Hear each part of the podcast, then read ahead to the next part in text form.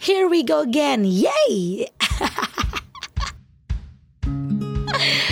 Hari ini 15 Juni 2019 15 Juni 15 Juni itu berarti hari ini itu adalah kurang lebih Udah satu minggu kerja Satu minggu berjalan hari kerjanya setelah kemarin libur lebaran yang cukup panjang ya sekitar um, seminggu lebih dikit, dikit lah ya kemarin itu.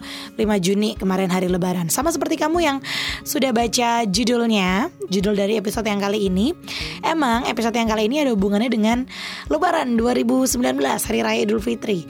Tapi aku bukan mau ngomongin hari rayanya aku juga bukan mau ngomongin tentang pelajaran agamanya tapi um, aku mau ngomongin tentang satu ini apa ya nyebutnya ya udah kayak budaya, budaya juga kali ya yang ada di hampir seluruh keluarga Indonesia. Huh. Itu tentang pertanyaan. Aku yakin kamu pasti pernah mendapatkan pertanyaan-pertanyaan seperti ini juga, walaupun uh, mungkin bukan di hari raya Lebaran ya. Misalnya kayak aku karena aku nggak ngerayain Lebaran juga. Jadi um, pertanyaan ini akan terus ada di aku saat uh, aku ketemu sama keluarga besar gitu. Mungkin yang dari luar kota gitu yang yang dari luar pulau. Misalnya reply story doang yang tadinya ngomongin halo apa kabar? dan segala macam. Jadi um, jadi gimana? Udah sampai mana skripsinya Ci? Ya kalau aku baca-baca dari timeline media sosial aku mau di Twitter ataupun mau di Instagram gitu ya, um, kayaknya sih yang masih memegang pertanyaan yang masih jadi um, trending topic nomor satu yang ditanyakan di masa-masa kumpul bersama keluarga untuk uh, kamu para mahasiswa tentu saja adalah kapan lulus? Ya, yeah. kapan kapan wisudanya, kapan pakai toga, bla bla bla bla bla. Lalu peringkat kedua yang um, dari survei aku yang aku lihat adalah peringkat kedua. Kalau yang tadi cuma buat mahasiswa, kalau ini mulai melebar ke range umur yang di atasnya yaitu pertanyaan dengan kapan menikah. Kapan jadinya nikah? Kapan kamu mengikutin kakak kamu sih ini ini ini ini? Dia udah punya rumah loh, dia udah punya anak loh, dan dan dan dan lain sebagainya dari um, beberapa pertanyaan yang aku lihat gitu dari orang-orang yang pada curhat di media sosialnya, aku cukup melihat ada um, beberapa persamaan gitu. Persamaannya adalah pertanyaan-pertanyaan yang disampaikan di keluarga uh, di antara keluarga besar itu biasa pertanyaan-pertanyaan yang based on waktu, berarti pakai kata kapan dan based on posisi. Jadi pakai kata kata di mana. Misalnya, kapan lulus, kapan menikah, kapan punya momongan, dan lain sebagainya ya kan. Yang based on position itu misalnya kayak ngomongin karir, ngomongin letak rumah, posisi rumah misalnya atau status kamu misalnya uh, yang karir gitu ya. Eh, sekarang kerja di mana? Nah, gitu. Masih kerja di tempat yang kemarin. Ya. Itu kan bukannya tempat magang ya? Masih kerja di situ? Ya, gitu. Atau misalnya sekarang rumah kamu di daerah mana? Masih sama orang tua? Ya, kayak gitu-gitulah.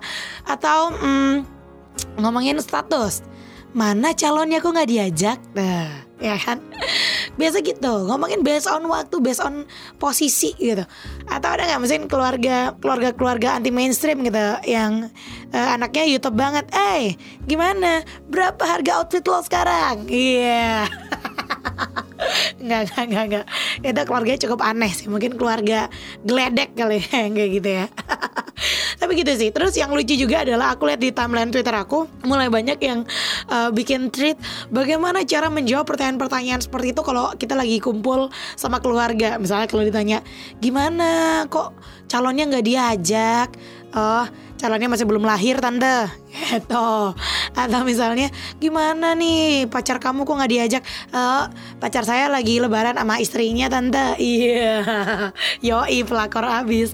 Atau malah ada yang jawaban-jawaban lebih nyeleneh lagi kayak gimana? Kamu masa masih uh, bertahan aja pacaran lama-lama? Udah langsung aja cari yang agamanya sesuai terus langsung nikah. Terus kita jawabannya mm, tante saya masih lebih suka zina sih. Gokil sih. Itu itu jawaban yang gak mungkin. Aku lontarkan kalau di keluarga besar aku sih gak mungkin. Gak mungkin banget. Bisa langsung diceramain pakai ayat Alkitab sih. Pasti sih ya kalau di keluarga aku. Tapi ya gitu banyak cerita-cerita lucu gitu. Kamu pun mungkin ya waktu kumpul keluarga besar entah itu di hari raya atau kumpul-kumpul aja mungkin banyak juga menerima pertanyaan-pertanyaan kayak gitu hmm, kalau mau ngomongin um, disambungin sama kalimat-kalimat bijak cie ada tuh peribahasanya mulutmu harimaumu iya kan bener kan um, semakin kita uh, mendengarkan perkataan-perkataan atau kalimat-kalimat yang menurut kita negatif, ya jadilah kayak gitu. Atau semakin kita ngasih uh, perkataan negatif ke orang lain, ya jadilah seperti itu ke dia. Aku nih ya sebagai seorang mahasiswa yang masih berkuliah lebih dari 4 tahun dan ngelotok banget masalah teori.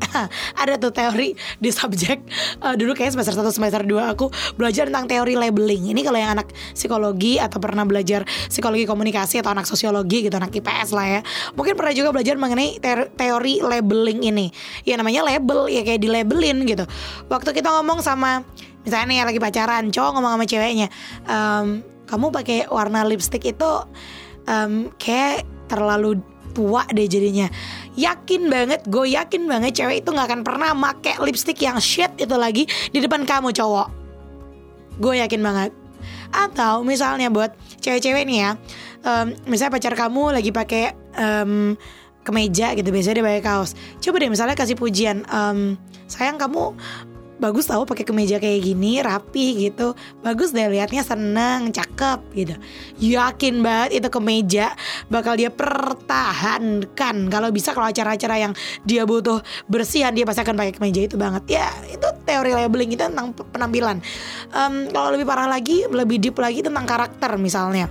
Percaya gak sih waktu kita ngomong sama adik kita misalnya ah gimana sih gini aja nggak bisa bodoh ah ya label bodoh itu label aku tidak bisa apa-apa itu akan terus ada di dia sampai dia dewasa nanti gitu. Entah dampaknya kecil atau besar tapi ya dia akan mempercayai dia akan melabeli dirinya seperti itu. Atau teori labeling lainnya misalnya um, antar teman gitu ya. Eh aduh kamu nih soalnya kulitnya hitam sih jadi nggak cocok pakai warna kayak gini ya udah dia akan uh, merasakan dia akan mulai beli dirinya bahwa oke okay, kulit aku warna hitam dan aku uh, susah banget mencari warna yang cocok dengan kulit aku ya semacam-semacam kayak gitulah teori labeling. Ada beberapa orang yang mengatasnamakan teori labeling ini dan bilang kalau man pertanyaan dari keluarga yang kayak tadi itu bener-bener annoying banget. Itu apa sih keluarga besar? Kalau misalnya keluarga yang layer pertama, circle pertama yang ayah, ibu, kakak, adik yang paling dekat, um, mungkin nggak akan menanyakan kayak gitu ya karena mereka sama kita tiap hari gitu atau ngerti progres kehidupan kita. Tapi biasa yang kayak gitu justru malah keluarga-keluarga atau kerabat yang ada di layer ketiga, layer keempat, circle ketiga, circle keempat yang sebenarnya um, mungkin omongannya nggak selalu dengerin banget gitu kalau menurut aku sih ya. Jadi ada beberapa orang yang ngerasa kalau asli itu pertanyaan annoying banget. Keluarga tuh um, ikut campur ini itu. Mereka nggak ngebayarin nikah gua. Kenapa nanya-nanyain kapan gue nikah? Misalnya gitu. Tapi ada beberapa juga tim lainnya nih tim netizen lainnya yang aku baca yang mereka selalu bilang hey nggak boleh gitu. Ambil positifnya aja. Mau ini keluarga layer ketiga layer keempat atau bahkan orang yang dikenal nggak dikenal sekalipun. Saat mereka menanyakan kapan menikah, kapan lulus? Dan segala macam, itu sebenarnya adalah bentuk perhatian mereka. Ya, artinya mereka tuh sebenarnya memperhatikan kita. Mereka pengen kita tuh punya um, progres yang baik dalam kehidupan kita gitu kalau kamu kira-kira tim yang mana tim yang ngerasa itu pertanyaan annoying atau tim yang ngerasa kalau man itu bentuk perhatian kali aku jadi keinget ya aku tuh punya kenalan gitu yang ya umurnya sudah di, tidak dikatakan muda lagi istilahnya kalau dia ngikutin jalan hidup orang Indonesia pada umumnya yang maksudnya kuliah kelar kuliah terus menikah. Ini cewek dia anyway. Uh, menikah terus punya anak mobilnya satu pembantunya satu anjingnya dua kucingnya tiga burungnya empat ya kayak gitu gitu lah misalnya kalau kayak gitu mungkin di umur umur sedia seumur kenalan aku ini mungkin dia sudah punya anak dua gitu mungkin ya. Mungkin kurang lebih kayak gitulah. Nah terus um, si teman aku ini dia sudah S3 woi gokil ya. Dia udah S3 di umur segitu dia sudah S3 dia sekarang uh, kerjanya ngajar dan dia punya beberapa project sama perusahaan um, luar negeri cuman kelemahannya adalah si teman aku ini emang belum menikah Walaupun aku tahu dia pernah punya pengalaman pacaran sama beberapa orang sebelumnya, tapi sampai umur segitu, dengan karirnya yang sudah melonjak segitunya, dia belum menikah. Dan um, banyak banget akhirnya orang-orang yang ngomongin jelek tentang dia. Aduh jangan-jangan nih orang LGBTQ gitu. Atau eh jangan-jangan ini orang um, sebenarnya pelakor gitu. Sebenarnya udah punya simpenan tapi dia begini begini begini. Coba dia lihat masa dia bisa punya tas dengan um, merek yang kayak gitu banget dan lain sebagainya kayak gitu jadi omongannya malah jelek padahal kalau mesti dicari sisi baiknya yalah karakternya baik dia sayang banget sama orang tuanya dia punya anjing yang lucu oke itu nggak penting uh, intinya adalah dia punya karir yang bagus tapi orang-orang jadi nggak melihat positifnya itu ya yang dilihat negatifnya negatifnya adalah apa? Belum menikah. Padahal men itu kehidupannya dia kan ya. Dan belum menikah itu di umur yang ya? Ya mungkin labelnya masyarakat Indonesia aja gitu di umur segi, di umur segitu harus nikah dan karena teman aku ini belum nikah akhirnya jadi diomongin yang jelek-jelek. Itu sih menurut aku kasus yang cukup agak uh, konyol ya tapi itu sering terjadi di kehidupan permasyarakatan Indonesia ya kan nah kalau aku sih ya tadi aku nanya ada dua tim gitu. Ada tim yang ngerasa itu pertanyaan annoying ada tim yang ngerasa ya udah itu bentuk perhatian kali nggak usah dibikin jadi keluhan dan segala macam. Masih mending keluarga nanya-nanyain daripada nggak ada keluarga sama sekali. Teng dong teng. Kayak gitu gitulah nah tapi kalau aku aku ngambil dari uh, aku memandang dari sisi yang berbeda dari angle yang berbeda.